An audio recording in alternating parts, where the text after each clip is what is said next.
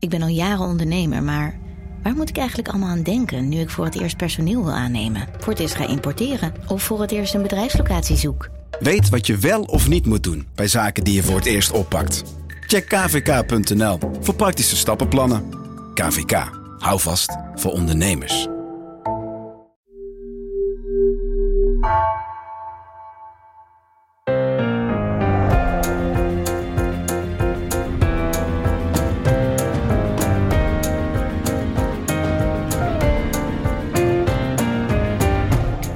Dit is Haagse Zaken van NRC. Mijn naam is Lemia Aharouai. Eigenlijk zou dit het jaar zijn waarin de gaskraan dichtgedraaid zou worden. Vandaag maakte minister Wiebes bekend dat de gaskraan veel eerder dichtgaat dan gepland. Al over 2,5 jaar, in 2022. Toch lijkt 2022 het jaar te worden waarin de gaskraan mogelijk weer iets verder opengaat. Er is deze winter nog meer gas uit Groningen nodig, al dus het ministerie van Economische Zaken. Nu vraagt Duitsland om meer gas en Nederland is verplicht om dat ook te leveren.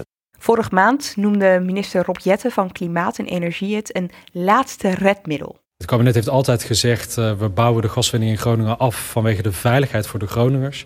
En alleen uh, in het geval dat er echt grote problemen zijn op de gasmarkt, dan is het een eventueel een aller, aller, allerlaatste uh, middel om in te zetten. Misschien wel een allerlaatste redmiddel. Er is veel onzekerheid over het wel of niet verder opendrijven van die gaskraan in Groningen. En één ding is wel zeker, en dat is dat komende maandag de parlementaire enquête over al die misstanden in het Groningse gasdossier van start zal gaan. Het is goed dat de openbare verhoren maandag gaan beginnen. Want het is hoog tijd om de waarheid over dit belangrijke en complexe gasdossier boven tafel te krijgen. Tot midden oktober zullen Kamerleden, gedupeerden, ministers, wetenschappers en multinationals verhoren over dat Groningse gasdossier. En in deze Haagse zaken behandelen we niet het hele dossier, maar proberen we je wel een handleiding te bieden, zodat je de parlementaire enquête, die dus maandag begint, met iets meer bagage kan volgen. En dat doe ik uh, met bij mij in de studio een deel van het team dat voor NRC het Groningse gasdossier, dus de parlementaire enquête, volgt. Wubby Leijndijk, uh, chef van de onderzoeksredactie. Hallo. Daar moet ik ook bij zeggen, voormalig correspondent Noord-Nederlands. Zeker. Wanneer ben je daar correspondent geweest? Ik ben begonnen in 2012, vlak na de klap bij Huizingen. En ik ben gestopt in 2017. Ook hier Dirk Stokmans, onderzoeksjournalist. Ja, een soort rode lijn in jouw werk is eigenlijk steeds het misgaan bij de overheid. Ja. Kies jij je onderwerpen daarop uit? Uh, ja. Of kiezen die onderwerpen jou uit? Ook. Ja, het is maar uh, hoe je het ziet. Hè? En jullie vormen maar een deel van het team. Ja, bij NRC zijn er nog twee mensen die uh, er volop zitten. Mark Middel, de huidige correspondent in Noord-Nederland. En Claudia Kammer, die volgt voor de Haagse redactie de enquête. Ja, en toen, uh, wat, wat heel bijzonder is, is dat we samenwerken met Dagblad van het Noorden. Dat is uh, gebeurd een jaar geleden ongeveer. Bas van Sluis, een collega, die kende ik nog uit het Groningse. En die sprak ik en die zei tegen mij, over een jaar begint die enquête. En het zou zo ontzettend belangrijk zijn dat we nu eens een keer weten wat daar gebeurd is. Hoe het gegaan is, waarom het zo gegaan is. Is het geen idee om samen met twee media dat te gaan doen? om uh, de kennis te bundelen en te kijken hoe ver we komen. En ja, daar was ik super enthousiast over. Hij verwees ook nog naar de reconstructie van Dirk en Mark Lievers Adriaanse over de coronacrisis, die toen net een prijs won. Hij zei, we, eigenlijk moeten we een verhaal maken over hoe het zo ontzettend mis is gegaan, kon misgaan vanuit Den Haag in Groningen. Dus hij doet mee vanuit het Dagblad van het Noorden en uh, dat geldt ook voor... Uh... Lianne Levy. Thanks. Dat is best uniek hè, dat we dat op die manier doen. Ja, dat is heel uniek. Ik heb het, uh, we hebben één keer eerder, in ieder geval ik als chef onderzoeksgroep, een, een, project samen met Parool gedaan. Dat ging over MeToo-onderzoek. En dat doe je vaak als je wil dat, dat gewoon die onderste steen boven komt en elkaar niet wil beconcurreren, om, omdat je weet dat je samen aan een onderwerp werkt. En nu willen we gewoon ook uh, onze krachten bundelen. Lokale uh, kwaliteit hebben zij, uh, veel contact in de regio en mm -hmm. wij hebben meer contacten landelijk. Ja, en het idee is natuurlijk ook dat je, er is al zo ontzettend veel over geschreven. Dat je ook, je moet iets toevoegen. Er moet meer zijn. dus je moet dieper graven, meer mensen spreken, langer, meer tijd in besteden. Dus je hebt ook meer mensen nodig om dat gewoon te regelen we merken ook al dat hè, in, tijdens het onderzoek komt er al wat naar boven. We hadden uh, geluk of niet dat opeens de notulen van de maatschap Groningen uh, uh, bij ons langskwamen. Geluk, dat mocht- klinkt heel passief, alsof ze uit de lucht kwamen van Nou ja, ik weet niet Ja. hoe het gebeurd is. ik had er niks mee te maken. Ja. Ehm, eh, maar goed, dus, dus je merkt dat dingen ook naar je toe beginnen te komen. Eh, naarmate je meer weet, gaan mensen praten. Dus we hebben al wat, wat hier en daar wat over geschreven. Precies. Eh, in aanloop naar die eh, enquête zijn jullie al begonnen. Straks verwerken we dat in het verhaal dat jullie eh, mij hier komen vertellen. Maar even kort, zit er een soort rode lijn in die ontdekkingen? Ja, wa- wat wij toch wel zien als rode lijn. Er is natuurlijk altijd gezegd, zowel door de NAM als door de overheid, geld mag geen rol spelen. Er zijn dingen misgegaan. Groningers hebben schade geleden. Die schade moet gewoon ruimhartig worden vergoed. Maar wij merken dat ja, geld, de discussie over geld, de ruzie over geld, toch de rode draad is in het verhaal. Dat heeft alles bepaald. En de komende tijd, want eh, er, er komen meer eh, onthullingen eh, aan. Wat is de focus van jullie onderzoek? Wat proberen jullie te achterhalen? Nou ja, kijk, als dingen fout gaan, zeggen mensen altijd oeps, hè, er is wat misgegaan. Wat natuurlijk belangrijk is, hoe is het misgegaan? Vanwege welke beslissingen is het misgegaan? Wie heeft die beslissingen genomen? Daar doen wij onderzoek naar. Daar komen we ook al steeds meer over te weten. Eh, eh, wie heeft wat gedaan? Wat zijn de consequenties geweest? Eh, waar is dat gebeurd? Hoe? Waarom? Nou, de journalistieke vragen. Ja, eigenlijk zijn jullie hetzelfde aan het doen als de parlementaire enquête probeert uit te vinden. Dat loopt een beetje parallel aan elkaar, zit ik me nu te bedenken. Eh, Ja. ja. Wij zijn eerst. Nee. Ja, zeker. Maar eh, aan de andere kant, de parlementaire enquête is natuurlijk veel zwaarder. Die moeten echt eh verantwoordelijke aanwijzen. En eh, daar kunnen wij wel iets vrijblijvender in zijn. Ja, even inzoomen op wat zo'n parlementaire enquête nou eigenlijk precies eh, is. Want het, het- is een zwaar instrument, dat woord eh, viel al eventjes. Wat houdt het in? Nou ja, het is het zwaarste middel, zeggen ze, het zwaarste parlementaire middel om, om de waarheid uit te zoeken. Ja, Ehm, onderzoeksmiddel, hè? Ja, Voor, ja, voor de Kamer. Er zijn ook een paar bijzondere eh, eh, bevoegdheden die de parlementaire enquêtecommissie kan inzetten. Mensen worden gehoord, verplicht. Eh, je moet opkomen dagen. Je wordt ook onder ede verhoord. Je kan zelfs, ik heb gisteren nog even naar de wet op de parlementaire enquêtes gekeken. Want ik wist het ook allemaal niet meer. Of heb het nooit geweten. Maar eh, ik, weet, ik weet nu dat mensen zelfs gegijzeld kunnen worden als ze niet willen komen. Je bent verplicht om mee te werken. Wat, wat betekent dat? Sorry, dat je wordt dat klinkt, vastgehouden eh, tot je meedoet. echt? Niet zomaar, hè? Ik bedoel, er komt de rechter aan te pas. Ja, Je ja. een Goede, maar ja, ja, het staat in de wet. Eh, je kan gegijzeld worden. Ik Maar denk dat de de- meeste de- mensen al niet- meewerken. Niet het klassieke, eh, zeg maar, gegijzeld. Voor losgeld. eh, voor, maar je, je, je mag niks. Nou, het je losgeld ook- is dat je meedoet. Jeetje, ook wist niet dat dat op die manier ging. Ja, ja. Dus dat is wel apart. Je, je kan ook binnentreden als, als lid van de parlementaire enquêtecommissie overal. Dus je kan binnenlopen en dingen opvragen, uitzoeken, Vorderen. vorderen. Eh, eh, ook met rechtelijke machtiging soms, bij, bij woningen, om de een of andere reden. Eh, je moet meewerken, maar je kan je beroepen op het feit dat je niks, sommige dingen niet mag zeggen. Eh, ministers kunnen zeggen, ja, in de, wat in de ministerraad besproken is, is staatsgeheim. Als ik dat schend, ben ik strafrechtelijk eh, vervolgbaar. Nou, eh, dat soort Ja. dingen. Commerciële belangen, ehm, vanwege commerciële belangen. Wat in deze enquête interessant is, want het gaat natuurlijk de hele tijd om commerciële belangen. eh, kunnen ook een reden zijn om dingen te zeggen. Maar daar zijn ook weer, eh, je moet het wel aantonen dat die er zijn. Dus er is, er is de onderhandeling kan er ook plaatsvinden. Tot op zekere hoogte heb je een soort van zwijgrecht als je daar tegenover die commissie zit. Verschoningsrecht noemen ze het, maar dat komt op hetzelfde neer. Ja. Ja, oké. Hey, en, en nog eventjes om de zwaarte van dit instrument uit te leggen. Want in Den Haag wordt er best wel uitgekeken naar deze parlementaire enquête. Er wordt ook wel echt eh, verwacht dat er eh, nu al vooraf dat het best iets teweeg kan brengen. eh, qua eh, koppen die moeten gaan eh, rollen. Want zo het blijft Daar Den Haag hier. Ja, precies. Maar eh, even een paar vergelijkingen. Srebrenica is een go- goed voorbeeld, denk ik. Hè? Dat was nogal een rapport van een parlementaire enquêtecommissie dat tot veel heeft geleid. Uiteindelijk het aftreden, Aftreden van het kabinet. Precies. kabinet Kok. Kabinet Kok. Laatste. Er zijn na de oorlog meer dan tien parlementaire enquêtes geweest. Bijvoorbeeld naar de vliegramp eh, in de Belmer. Een andere die mij bijstaat is van de IRT-affaire. Dat was, ging over de opsporingsmethodes van de politie die heel vergaand waren. Mensen kochten, ze gingen zelf drugs kopen. Eh, ze hebben vaak toch wel gevolgen. En dat is natuurlijk wat ze ook hier willen nu. Ja, precies. Ja, er vallen dan eh, koppen, hè, ministers sneuvelen, maar er wordt ook nieuw beleid gemaakt. Ja, precies. Dus, eh, de- dus even los van het Haagse Ja. eh, koppenrollen, leidt het ook echt inhoudelijk Ja. tot iets.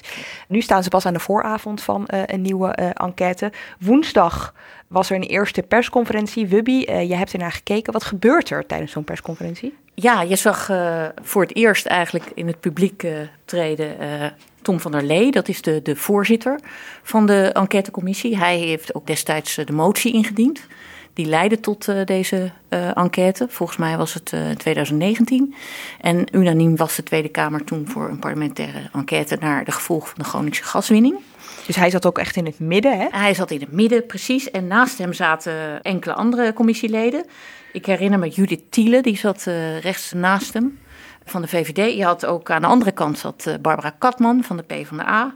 Stineke van der Graaf heb ik gezien. Die ken ik nog, want die is in Groningen statenlid geweest. In de tijd, ja, ChristenUnie.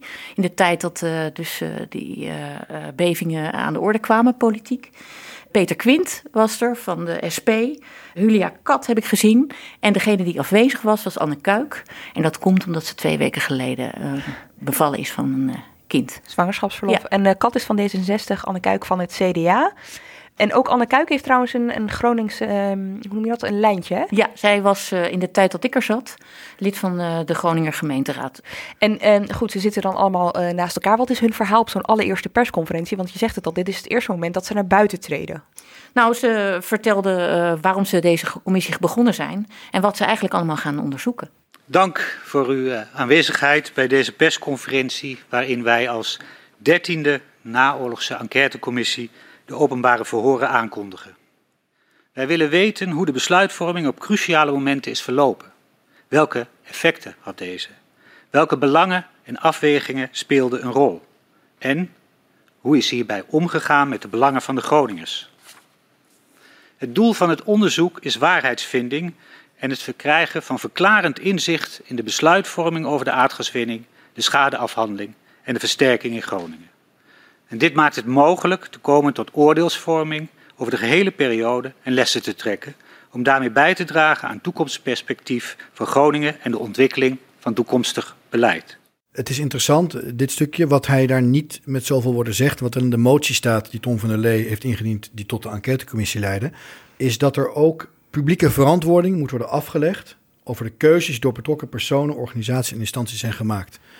En hij koppelt dat aan het feit dat pas dan, of in ieder geval dat nodig is, voor herstel van vertrouwen en het recht doen aan gedupeerden. dus je moet ook weten wie verantwoordelijk was. Ja. Niet alleen maar waarheidsvinding, maar wie heeft nou dingen gedaan, besloten of niet besloten.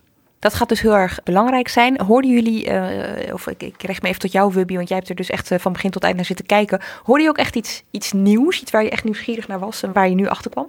Ze hebben heel veel voorwerk gedaan. Ze zijn vorig jaar al begonnen, in februari, in coronatijd met zeven Kamerleden en 16 ondersteuners. Mm -hmm. Ze hebben uiteindelijk 600.000 stukken gevorderd. Bijna net zoveel als wij. Ja, en het ja, enorm. En het interessante was, Bas van Sluis, de collega van Dagblad van het Noorden, stelde nog een vraag over het vorderen van stukken bij financiën. Want daar was niet alles in één keer gekomen.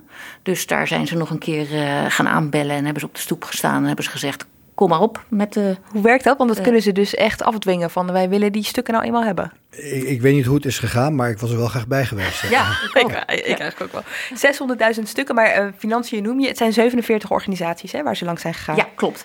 Ze zijn vijf dagen op werkbezoek geweest in Groningen. En ze hebben 35 uh, gedupeerden gesproken. En je noemde net die 124 voorgesprekken. Dat geeft trouwens inderdaad wel weer dat zij al een tijdje bezig zijn achter gesloten deuren tot nu toe. Mhm. Mm -hmm. Dan denk ik toch wel ook voorgesprekken achter gesloten deuren. Complot. Waarom eigenlijk? Nou, ik, ik ben niet heel snel complotdenker, maar ik vraag me wel af. Dit, is, dit zou toch juist in alle transparantie moeten? Ja, dat zou je zo kunnen zeggen. Uh, wat ik ervan begrepen heb, is dat uh, ze op deze manier een heel oriënterend uh, gesprek doen, zonder dat ze nog heel mensen het vuur aan de schenen leggen. Ze laten mensen vertellen. Uh, ze kijken wat er beschikbaar is. Ze gaan er uh, uiteindelijk uh, op zoek naar materiaal wat dat hun verhaal ondersteunt. Ze kijken wat iemand anders zegt, die die periode ook heeft meegemaakt, die misschien andere dingen zegt, waardoor zij snappen van, oh, die scherpe vraag moet ik stellen. Je moet het een beetje vergelijken met de achtergrondgesprekken die wij ook al in de journalistiek wel doen. Voordat we echt heel scherp op de bal gaan zitten, oriënteren we ons met gesprek. Maar als ik even een snelle rekensom maak. Ze hebben dus 124 mensen gesproken achter gesloten deuren. Ze horen straks tot nu toe in ieder geval uh, 70 uh, mensen.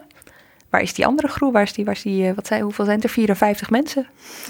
Je kan je voorstellen dat ze ook bronnen hebben. Hè, die niet, juist niet openbaar voor willen worden, maar wel informatie dragen. Die zouden daarbij kunnen zitten. I don't know. Maar dat zijn natuurlijk, zoals wij ook wel eens mensen spreken die we niet opvoeren in de krant. Maar die wel heel veel informatie geven. Zo zouden die daar ook bij kunnen zitten. Precies, een beetje zoals een off-the-record gesprek. Dus je krijgt die informatie, die mag je gebruiken, maar niet verleidbaar. Of ze waren zo saai dat ze niet meer op voor, voor kan ook nog. Er zijn ook mensen niet opgeroepen tot hun uh, spijt. Ja. Oh ja, zijn er ook mensen die dat uh, jammer en, vinden? Uh, die dat ook wel met argusogen gaan volgen. En het, ja, we, de, de, het gek is, en, en ik had het met jou voor Wubby deze week nog, van ja, wie, wij doen onderzoek. We komen ook verhalen tegen waarvan we de indruk krijgen dat die misschien niet straks bij de enquêtecommissie komen. Aan de andere kant, toen ik eh, van jou hoorde hoeveel ze al hebben gedaan, ging ik weer twijfelen. Dus we dachten, Mm. ik dacht begin deze week, nou, het zal me benieuwen of dit en dit, ik kan niet zeggen wat, uh, uh, naar voren komt. Maar nu denk ik, nou, misschien toch weer wel. Het is ook wel spannend dat ze hebben opgevist. Ja, precies. En dat, dat horen we dus eigenlijk vanaf maandag, want dan begint het. Maar waar begint het eigenlijk mee, Webby? Met het in kaart brengen van hoe omvangrijk die uh, gasproblemen voor uh, de Groningers zijn en de gedupeerden die daar wonen. Dus we beginnen dus echt met de geschiedenis. En dan moet je uh, denken aan, aan het, de vondst van het Groningse gasveld. Oh joh, echt Groningenveld. zeg maar de oerknal ongeveer. De, ja, ja, voor Groningen, ja. ja. ja. En dat was bij Boer Boon op het land van een bietenboer, die heette Kees Boon.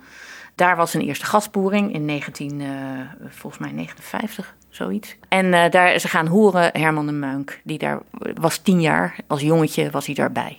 Oh, en die komt nu vertellen over hoe ja. dat dan uh, ja. was. Ja, zeker. Nou hebben we in 2018, dat is echt, dat klinkt alweer heel lang geleden, um, hebben we een Haagse Zaken gemaakt over echt helemaal de geschiedenis van het Gronings gas. Dat gaan we hier dus ook niet nog een keer opnieuw doen. Dat hebben Milo van Bokkum en Thijs Niemand die toen uh, al hartstikke goed gedaan. En die, die link zetten we trouwens in de show notes. Maar uh, jullie kunnen me misschien wel door een verkorte versie loodsen met de belangrijkste informatie om vanaf volgende week die parlementaire enquête ook goed te kunnen volgen.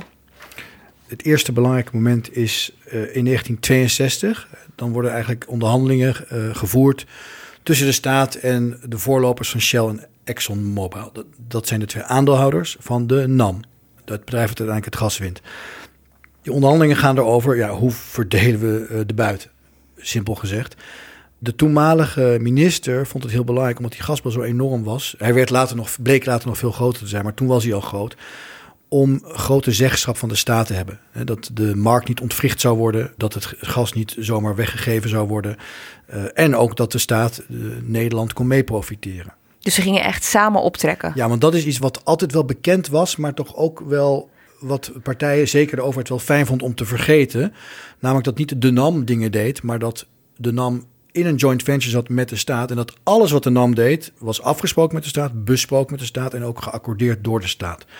De NAM bestaat niet in alleen, zeg maar. En echt vanaf het allereerste vanaf begin. de eerste dag. De staat is dus ook gaswinnaar. Ja. Uh, mag ik nog even één stapje terug doen? Want er is één basic vraag die hier aan vooraf moet gaan. En dat is toen, uh, dat, uh, toen bij die boer Boon werd geboord. Waarom zijn Shell en ExxonMobil erbij betrokken geweest? Of hun voorlopers? Zijn zij degene die het hebben gevonden? Die hebben dat uh, gevonden. En in Nederland is anders dan in Amerika niet zo dat het, uh, alles wat in de bodem in, uh, onder jouw perceel gevonden wordt, dat dat van jou is. Dus dat is van de staat. Dus je moet een concessie krijgen ja, om het te winnen. Precies. Dus daar moesten ze sowieso in onderhandeling met ja. En zo vonden de staat, Shell ja. en ExxonMobil Tegen de, voor, de concessievoorwaarden, daar zit dit onder andere bij. Ja. En in principe leek het in de eerste instantie een mooi verhaal voor iedereen met alleen maar winnaars. Ja, dat was ook denk ik in grote zin zo. Hè. Je kreeg, de heel Nederland zit aan het gas.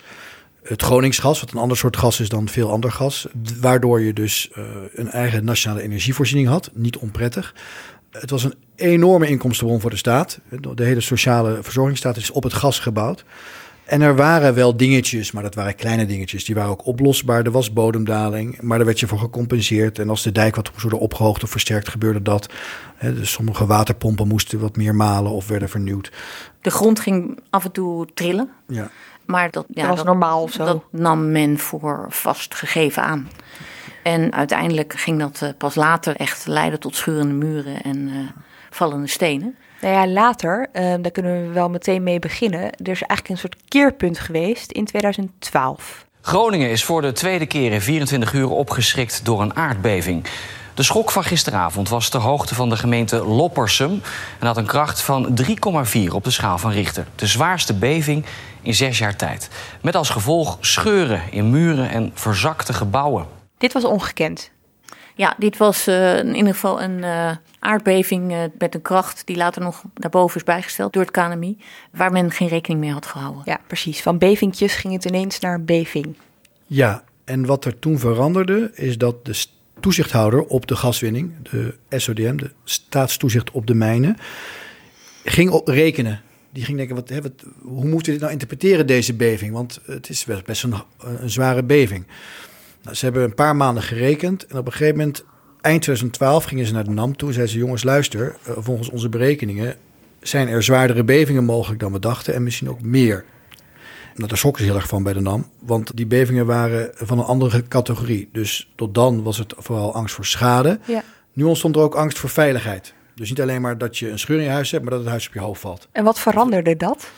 Nou ja, dat veranderde uh, uh, alles eigenlijk. Of het was het begin van een enorme omslag. Namelijk, het was niet alleen maar hè, die win-win situatie, maar er waren ook verliezers opeens. Groningers, die in huizen woonden waar scheuring kwamen, die angst hadden dat het onveilig was. Ja, en daar moest wat mee gebeuren. Het punt was natuurlijk dat en dat zie je ook in die notulen terug die we krijgen. Je ziet dat voor die mannen, het zijn allemaal mannen, ze voelen die grond onder zich schuiven om een beetje uh, flauwe metafoor te gebruiken. Want hun wereld was prettig. Iedereen was met elkaar eens. Ze werkten ook in harmonie samen met het staatstoezicht. Je ziet ook dat ze mopperen dat het verdwijnt. Hè? Waarom zijn ze zo lastig?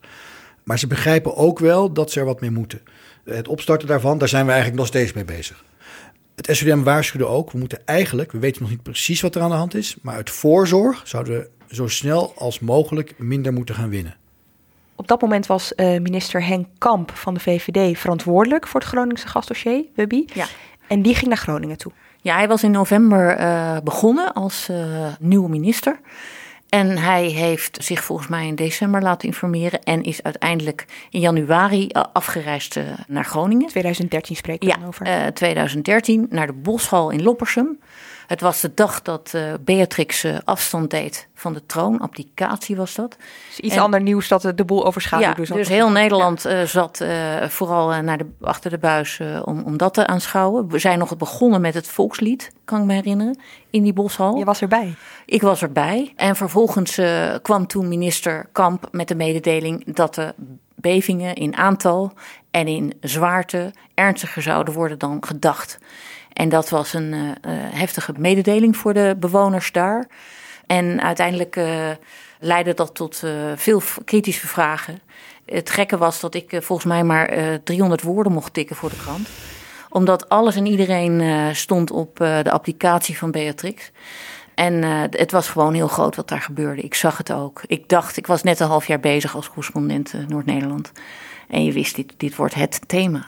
En dat was dus voor het eerst dat die Groningers bij elkaar in zo'n uh, zaal uh, hoorden van het wordt eigenlijk alleen maar erger. Ja, ze hadden wel in die zaaltjes gezeten de jaren daarvoor. Hè, in buurtzaaltjes waren ze mhm. met elkaar bijeengekomen. En hadden ze de NAM wel eens gevraagd om uitleg. Hoe zit het dan met die uh, bevingen? Uh, maar in zo'n grote omvang. Met de minister erbij ook? Met de minister erbij. De directeur van de NAM was er ook, Bart van der Leenput. De toezichthouder was er in persoon. Die mocht niet op het podium zitten trouwens. Uh, en uh, ja, dat was een, een historische dag. Maar goed, een historische dag. Maar tegelijkertijd was het een historisch jaar. Want er werd in een recordtempo eigenlijk gas uit de grond gepompt. Hoe verhoudt dat zich tot elkaar? Dat vind ik toch wel een beetje nou, dat is een hele goede vraag. Ik denk dat dat een vraag is die ook beantwoord moet worden door de uh, enquêtecommissie. Het is iets wat we nog niet wisten, hè? Uh, hoeveel er gewonnen werd. Dat kwamen we pas gaandeweg achter. Minister Kamp zei in die boshal, we gaan het komende jaar even niks doen. Geen beleid voeren, we gaan vooral onderzoek doen. We laten onderzoek doen door allerlei uh, wetenschappers van het. Uh, de, de, de beste mensen gaan we uh, laten uitzoeken wat hier aan de hand is. Onderzoek doen is vaak een, een, een Haagse uit, uitweg om uit te stellen. Tijd te kopen. En het is misschien goed om te beseffen dat dus terwijl dat onderzoek plaatsvond, de bevingen toenamen. En dus ook mensen uh, steeds meer schade kregen. En de NAM was toen bezig met te bedenken hoe gaan we dat nou doen. En dat zie je ook in de notulen, maar dat horen we ook. Dat ging heel moeizaam. Er waren heel veel schades. De afhandeling ging te langzaam. Mensen kwamen ook echt in de knel. En Kamp zei altijd, het is een zaak voor de mensen zelf. Die kunnen dat met de NAM uitzoeken. Is, de NAM veroorzaakt de schade. Volgens het civielrecht kan je ze aansprakelijk stellen. En als je niet je zin krijgt, kan je naar de rechter. Maar dat ging niet lekker. Hij heeft er toen nog een Nationaal Coördinator Groningen opgezet om dat een beetje bij te sturen, maar die had geen macht en geen Hans invloed. Alders. Die had wel invloed, maar geen macht, Hans Alders. Ehm, en dat duurde maar en duurde maar. En Wubby heeft er ook eh, heftige verhalen over geschreven, wat het betekende voor die mensen. Ik eh, ben, eh, on- ja, in die tijd, wat doe je dan? Er werden dus onderzoeken gedaan, maar er gebeurde niks. Sterker, er waren vooral bevingen. Veel in aantal en ook best heftig, drie en eh, zwaarder. Dus ik, ben, kan herinneren me dat ik met de fotograaf door het eh, land reed. Op pad werd gestuurd van eh, ga maar eens op reportage. En ben toen nou, naar kerktorens wezen kijken. En op een gegeven moment kwamen we ook in Vraamklap. Dat was bij het gezin van Simon Winter. En Simon Winter was een Peugeot, die had een Peugeot garage. En die zat daar in zijn woning met een gezin van drie kinderen, een tweeling en een, een oudste dochter. En een vrouw, zijn vrouw die zit inmiddels op de bus, maar die eh, was vrachtwagenchauffeur geweest. Echt een eh, avontuurlijk gezin. Ik kwam daar en eh, nou, hun huis stond eh, toen in de stutten. Heel Groningen stond toen ook vol, dat jaar 2013, met stutten. Huizen die bijna op instorten stonden. Maar je was- schreef twaalf of negen stalen stutten, dus enorme balken Ja. op een betonnen ondergrond. Eh, Ja, ja, waar zij ook insliepen. Het, het tochtte ook. de wind kwam gewoon binnenwaaien. Die, ze hadden een tweeling. En die eh, hebben eh, op hun kamer hadden ze gewoon een gat in de muur. Het was. eh, Wonen in een ja, dat deden ze. En ze hadden op dat moment contact met de NAM. Die eh, kwam kijken of het eh, versterkt kon worden. En je vertelde, of je schreef ook nog dat die tweeling sliep dus in een slaapkamer. En onder de vloer van die slaapkamer was een enorme stalen balk.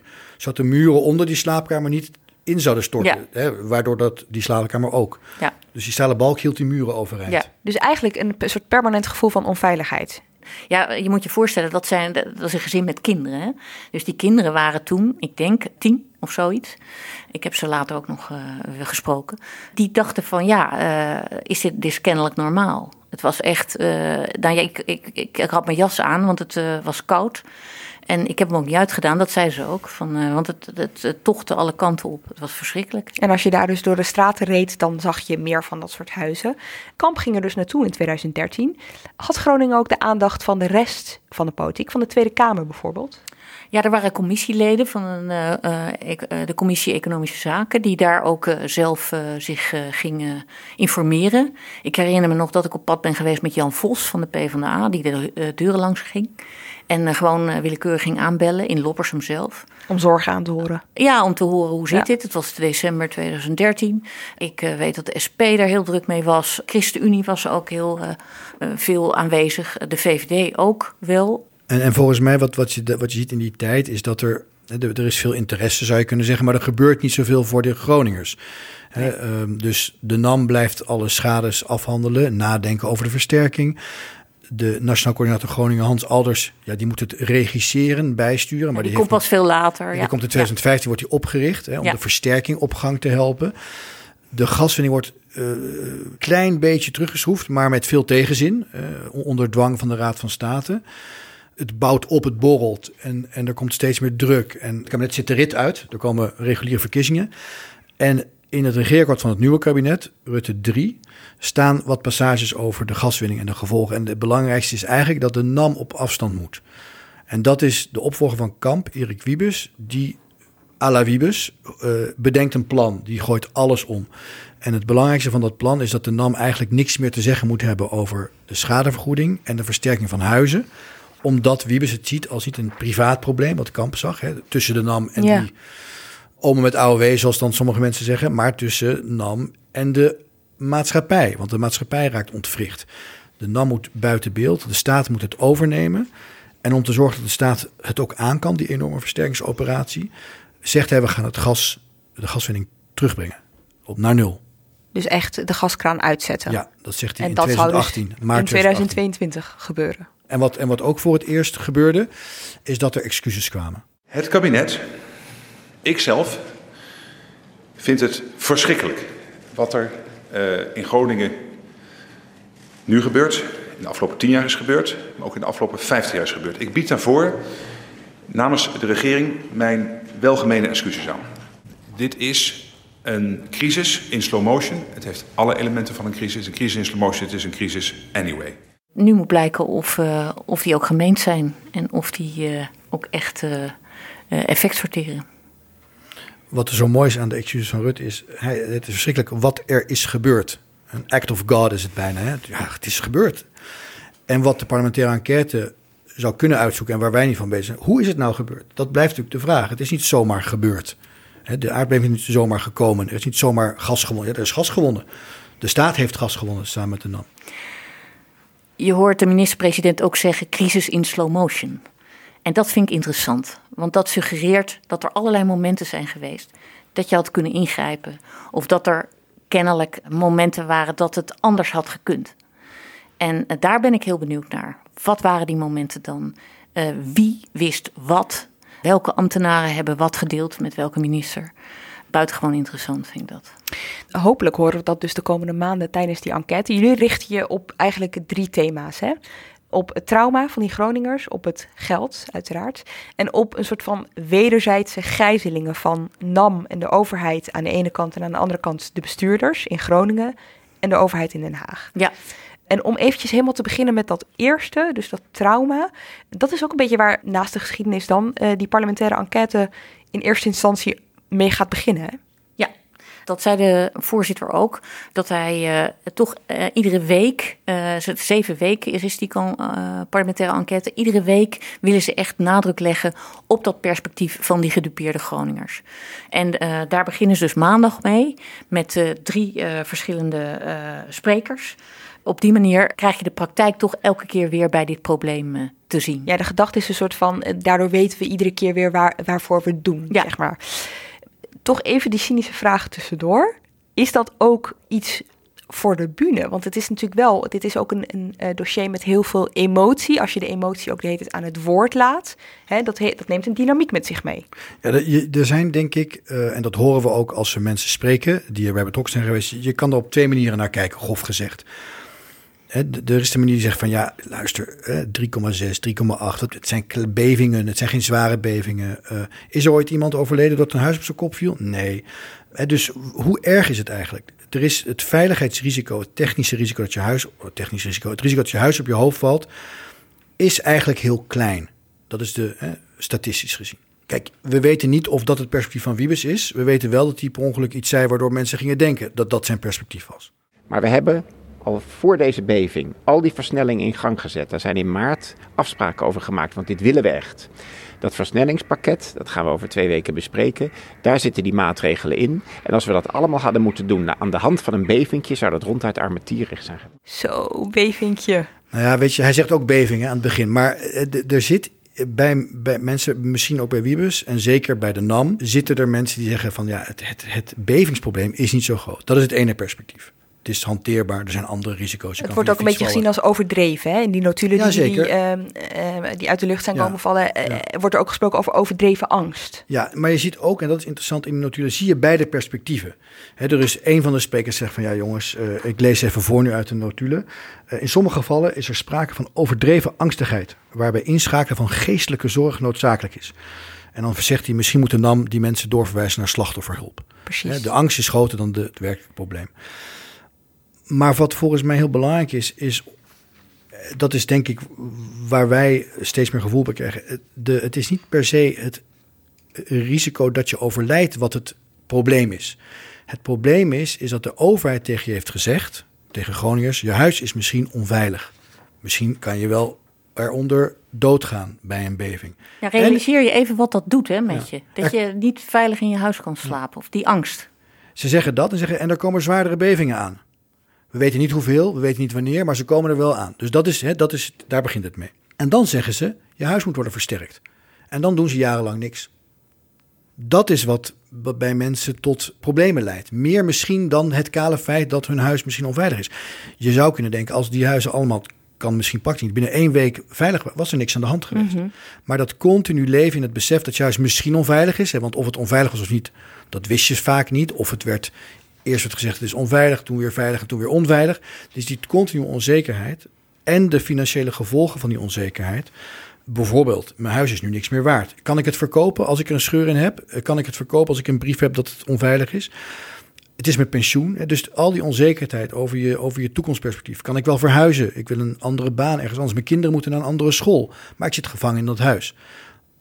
dat leidt ook weer tot spanningen in gezinnen. Dus dat is het tweede perspectief. Niet van het verticale risico, maar de onzekerheid. En die eh, maar doorduurt en doorduurt. De onzekerheid die gepaard gaat eigenlijk met steeds uh, teleurgesteld worden. Of deed het uh, beloftes krijgen en hoop krijgen en dan... Ja, er wordt steeds gezegd, wij gaan het oplossen. Hè? Of we zijn Mijn huis wordt veilig. Ja. En het interessante is, in de, in de notulen zie je ook dat tweede perspectief. En het, wat ook uh, logisch is misschien, dat komt van de directeur van de NAM. Die daar ook zit en dus met mensen spreekt. En die zegt van ja...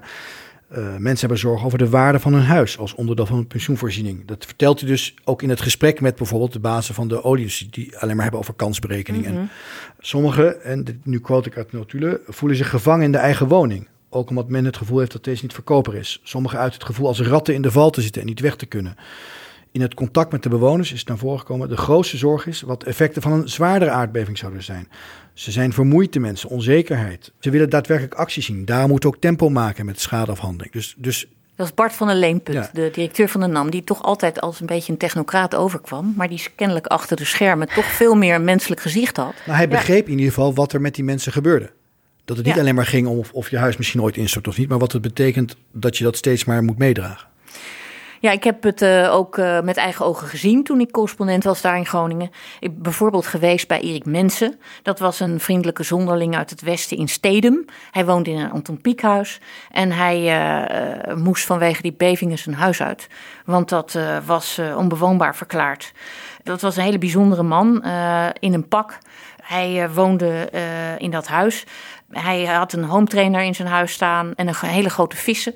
Waar die, uh, een aquarium, hè? ja, twee uh, aquaria, waar hij goed voor zorgde. En opeens kreeg hij dus de onheilstijding dat hij niet langer veilig was. En wat ik zo schrijnend vond aan het verhaal, want we stuurde het eergisteren naar me toe. Hij moet zijn huis uit. Hij moet zijn huis uit, want het is onveilig. Maar hij heeft een hypotheek. Die hypotheek wordt voor hem afgelost en hij krijgt 1000 euro extra. Hij heeft geen huis meer. Dus wat heeft hij? Geen huis en 1000 euro. Hij was dakloos. Ja, hij heeft dus eindeloos in de dakloze opvang gezeten. Werd uiteindelijk een bijzonder geval. Uh, voor wie mensen uh, buitengewoon veel uh, moeite hebben gedaan ja. om nog weer huisvesting te regelen. Ik was alleen maar, denk ik, omdat er over geschreven werd. Dat het is geregeld voor hem. Ja, dat dat geregeld is voor hem. En dat was wel de werkelijkheid in die tijd. Maar als we even uitzoomen, hè, het probleem is duidelijk. de oorzaak is ook duidelijk. Je kan huizen herstellen. De, de vraag is een beetje die erboven hangt: waarom gebeurt het dan niet? Als het allemaal zo makkelijk lijkt, waarom wordt die compensatie dan alsnog zo slecht afgehandeld? Ik denk dat er twee elementen zijn. Eén kan iedereen begrijpen. het is niet één huis, het zijn er honderden, misschien wel duizenden. Dus je moet het ook organiseren. Dat is, dat is één ding. Maar goed, er zijn aannemersbedrijven, dat kan. Het andere is, is dat er onder die discussies ligt de centrale vraag: wat is eigenlijk onveilig? Wanneer is een huis onveilig? En wat moet je doen om het huis veilig te maken? En daaronder ligt weer de discussie: wie betaalt dan voor die uh, maatregelen die je moet nemen? Dus er is een eindeloze discussie die nog steeds voortduurt.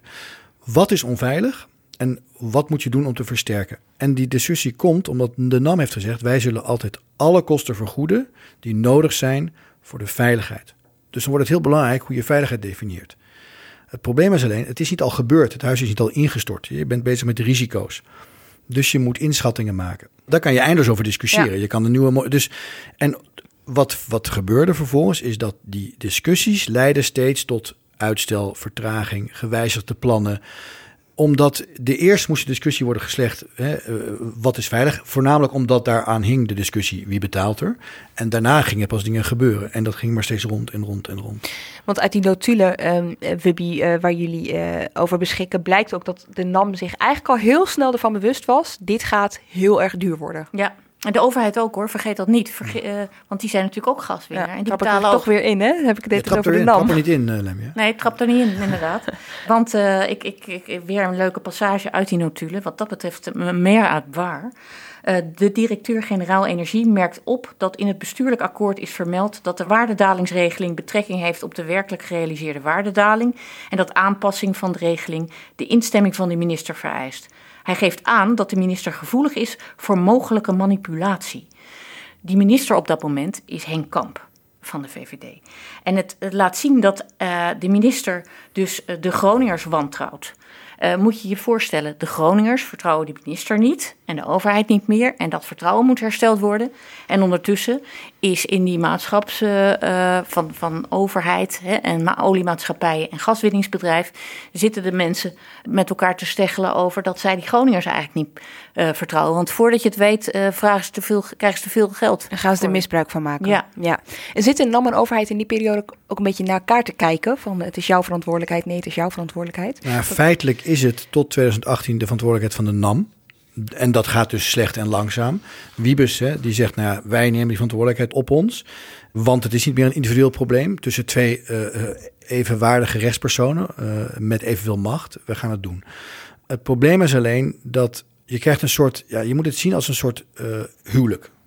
Tussen de NAM en de staat. Dat is een fantastisch huwelijk. Het geld stroomde binnen. Ja. dat dat nou het doel van het huwelijk is. Maar in dit geval was dat het doel van het huwelijk. Goeie toevoeging, ja. ja. Hield het huwelijk ook bij elkaar. Maar op een gegeven moment ontstaat er een scheiding. Daar hebben we het over gehad. Het staatstoezicht zegt het wordt gevaarlijk. En dan krijgen ze ruzie. En waar ze ruzie over krijgen is wie moet er voor de kinderen zorgen. De kinderen, dat zijn de Groningers met schade, met onveilige huizen. En eigenlijk willen ze geen van beide echt. De staat vindt dat het moet, maar die vindt ook dat de NAM zijn verantwoordelijkheid moet nemen. Dus ook toen de overheid het overnam, bleef die discussie voortduren. Die hield niet op. En wat je nu ziet is dat ze nu echt tot in de rechtszaal ruzie gaan maken. Want Wiebes heeft gezegd, aan de voordeur betalen wij alles wat nodig is. We gaan afrekenen bij de NAM aan de achterdeur. En aan die achterdeur weigert de NAM twee derde van de rekeningen te betalen. Want ze zegt, de overheid doet veel meer dan wat nodig is om huizen veilig te maken. Dat gaan we niet betalen. Komt het ergens ook niet neer op, um, um, toen het goed ging, hadden ze dezelfde belangen? Want hè, dan hoef je het daar ook niet echt over te hebben. En dat op een gegeven moment ook die belangen een beetje uit elkaar zijn gaan lopen. Want de NAM, ja, daar dat bestaat gewoon uit twee uh, hypercommerciële uh, ondernemingen, Shell en ExxonMobil. De overheid, die dus uh, met Cindy Joint Venture zit, die heeft ook wel veiligheid als een van de belangrijkste, ja. of veiligheid garanderen als een ja. van de belangrijkste taken. Ja, wat volgens mij, je moet het zo zien, denk ik, wat je zegt. Er zijn twee slechts drie partijen, Shell, Exxon en NAM, die willen liefst niet meer doen wat nodig is. En de andere partij, de staat, is heel erg bang om te weinig te doen dat is ook logisch dat de NAM dat niet wil. Want die hebben ook allemaal verplichtingen. Hè? Dus accountantsverplichtingen, juridische verplichtingen. Waar mensen bij bedrijven altijd heel bang voor zijn, zijn risico's die onbekend zijn. En wat de NAM nu heeft, is een onbekend risico. Namelijk de staat die het geld uitgeeft. En vervolgens bij hun komt te zeggen betalen maar. Maar de staat heeft geen enkele reden om zuinig te zijn. Want die kopen de problemen ook deels af natuurlijk met geld. Als je heel cynisch bent, maar dat is ook deels waar. Maar de NAM denkt, ja, maar ik kan niet tegen mijn boekhouder zeggen... De, ja, we hebben een voorziening over 10 jaar van ja. 1 miljard, 2 miljard, 3 miljard. We weten het niet. Dus die proberen dat risico in te dammen. Daarom zijn er nu ook discussies over een afkoopsom voor de NAM. Dus de NAM wil het liefst zo weinig mogelijk doen. Wel zijn verplichtingen nakomen, maar die heel erg klein houden. En de staat denkt alleen maar... We hebben echt die heeft een, zorgplicht ook. heeft een zorgplicht, ja. maar ook natuurlijk, laten we eerlijk zijn... ook een beeldvormingsprobleem. er is jarenlang veel te weinig gedaan. Er is aangerommeld. En wat de overheid toch altijd doet als de problemen heel groot worden, is de portemonnee trekken. Dus pas sinds Groningen een probleem werd, sinds die bevingen heftig werden, uh, bleek dit huwelijk scheurtjes te vertonen.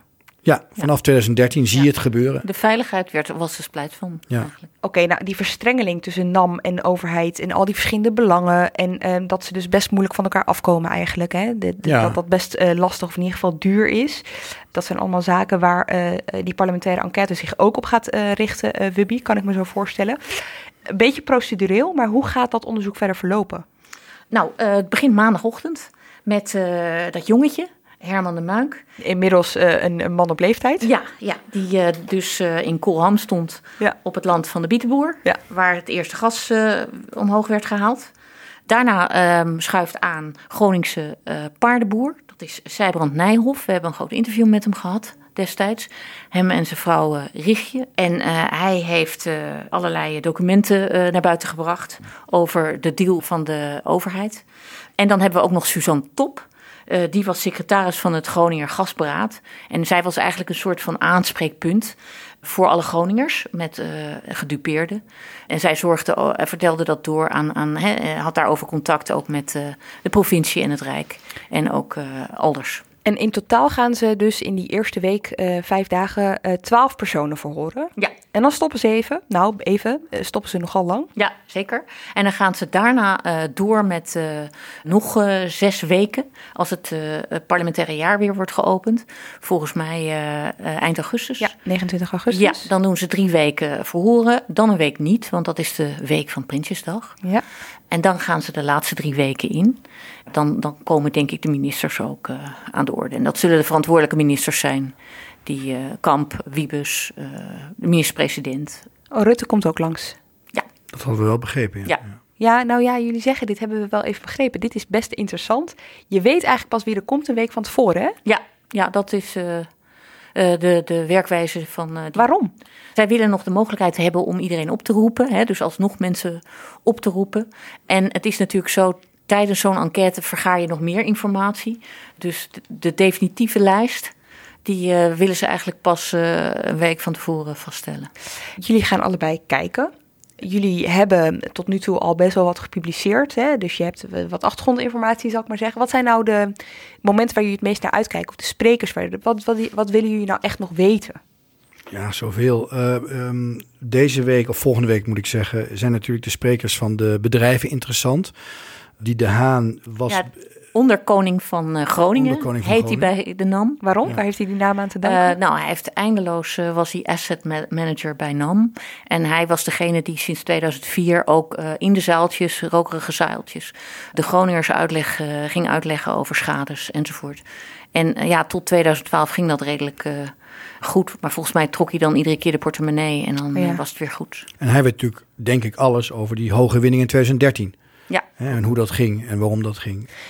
En je noemde ook de grote bedrijven. Want die hoor je niet zo vaak, hè? Nee. multinationals eh, aan het woord. Die verschuilen zich toch wel vaak achter eh, persberichten en eh, eh, persvoorlichters. Nu Shell ze komt nog wel eens op bij praatprogramma's en bij de Kamer. Eh, grappig is altijd dat dan de, als ze naar de Kamer moet komen, Marjan van Loon, eh, eh, zit altijd de man... Ja, zij is nu Ja. weg toch? Ja, oh ja, ja, maar, de- maar daar zat altijd dan ehm, de man van ExxonMobil naast twee uur lang zijn mond te houden. Dat is, dat is precies de relatie die ze hebben. Dus.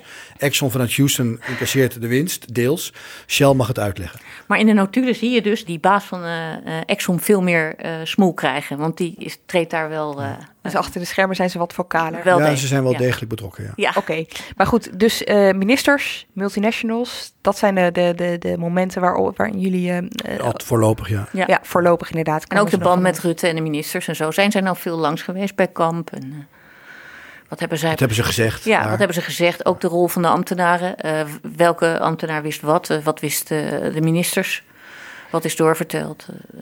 Dit gaan we dus allemaal meemaken. Wanneer wordt eigenlijk het eindrapport dan eh, verwacht? ja, februari eh, volgend jaar. Komend jaar. Pikant, want dat is dan een maand voor de Provinciale Staatsverkiezingen. Het is ook heel snel trouwens. Hè? Maar dat heb ik helemaal niet gerealiseerd. Ja, dus die Groningers, die, eh, nou goed, ni- ni- niet dat ze. Ik, ik vraag me af of dit nog echt Gelijk. gaat veranderen voor Groningers. Of zij nog ergens achter gaan komen waarvan zij dachten, weet je, zij zijn dus al, dat, dat schetsen jullie net, jaar na jaar flink ehm, teleurgesteld. Zagen beloften gedaan worden en weer, ehm, eh, ja. hoe zeg je dat, Ehm, sterven. Ik, ik weet het niet. Ik heb een paar mensen gesproken. Ik, ben- ik hou me natuurlijk vooral bezig met wat hier in en om Den Haag gebeurde. Wibby kent veel meer mensen daar. Maar wat mij heel erg opviel, die mensen zijn die, die echt in de problemen zitten, zijn bezig met overleven. Dus gewoon de boel bij elkaar houden.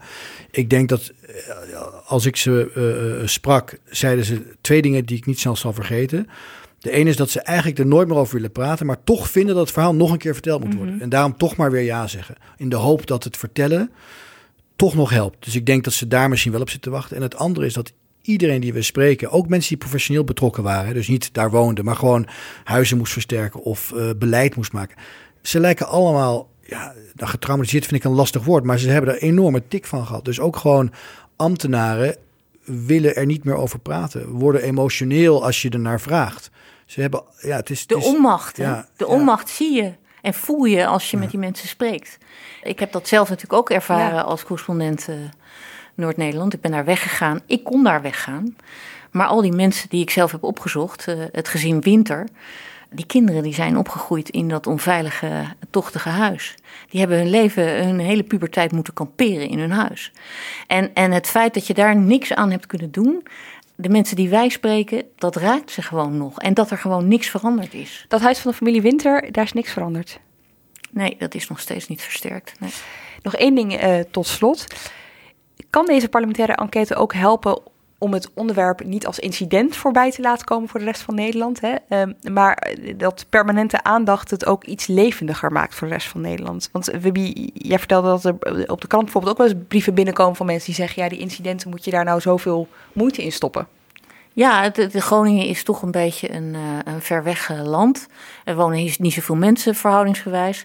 Dus uh, nou, dat loopt wel los. Hè. Dat is de gedachte. Is ook de, de ruimte die ik altijd moest bevechten. Dat, moet je, dat heeft daar ook mee te maken. In de krant doe je dan, hè? Ja, bij de krant. Er is echt heel weinig aandacht voor. En ik denk wel dat deze enquête de kans is om ook uh, te begrijpen hoe ongelooflijk ingewikkeld en belangrijk uh, het is dat mensen in Den Haag uh, besluiten nemen die zo diep ingrijpen op jouw leven. En het zou fijn zijn als dat voor het voetlicht komt. En dat vertrouwen, dat herstellen van vertrouwen, wat aanvankelijk Tom van der Lee ook graag wilde met deze enquête. Ze hebben dat iets uh, teruggeschroefd, geloof ik, uh, de verwachtingen daarvan. Maar als ik de mensen spreek die ik uh, ben tegengekomen destijds en nu, dan zie ik echt heel veel mensen die, die er helemaal niks meer van geloven. En ook, ook denken dat het allemaal niet meer gaat helpen. Ook in complotten denken. Het is ja, ik sprak een vrouw die, die is lerares. En die zei: Ik weet niet wat ik de kinderen moet vertellen over de overheid. Wat moet ik nou zeggen? Dat ze niet te vertrouwen zijn. Dat ze, dus iemand die normaliter vanuit haar vak gewoon zou zeggen: hè, de overheid is rechtvaardig, rechtmatig. Maar die kinderen van uh, die, die garagehouder zijn dus ook opgegroeid met de gedachte: de overheid is niet te vertrouwen. Hè? Dat huis van ons wordt nooit meer veilig. Dus de gedachte dat de overheid voor je zorgt, dat is wel iets wat. Uh... Wat dat betreft, om te eindigen met waarmee ik begon, er is dus een kans dat die gaskraan toch ook verder open moet uh, gaan. Dat lijkt me dus in ieder geval voor dit component, voor dat vertrouwen, redelijk funest. Ja. ja, en ik denk, het vertrouwen komt terug als je huis gewoon weer versterkt is, zoals afgesproken. Vanaf maandag de enquête dus. In februari volgend jaar komt het uh, eindrapport. Dan uh, heb ik jullie vast weer hier bij me aan tafel. Dank jullie wel. Wubby Luindijk en Dirk Stokmans. Dank ook um, voor het luisteren. Redactie en productie van deze aflevering waren in uh, handen van Henk Rijgrok van de Werven en Iris Verhulstonk. Montage door Pieter Bakker. De volgende week is er weer een Haagse Zaken. Heel graag tot dan. Technologie lijkt tegenwoordig het antwoord op iedere uitdaging. Bij PwC zien we dit anders. Als we de potentie van technologie willen benutten, kunnen we niet zonder een menselijk perspectief. Human-led, tech-powered noemen we dat. Ga naar pwc.nl.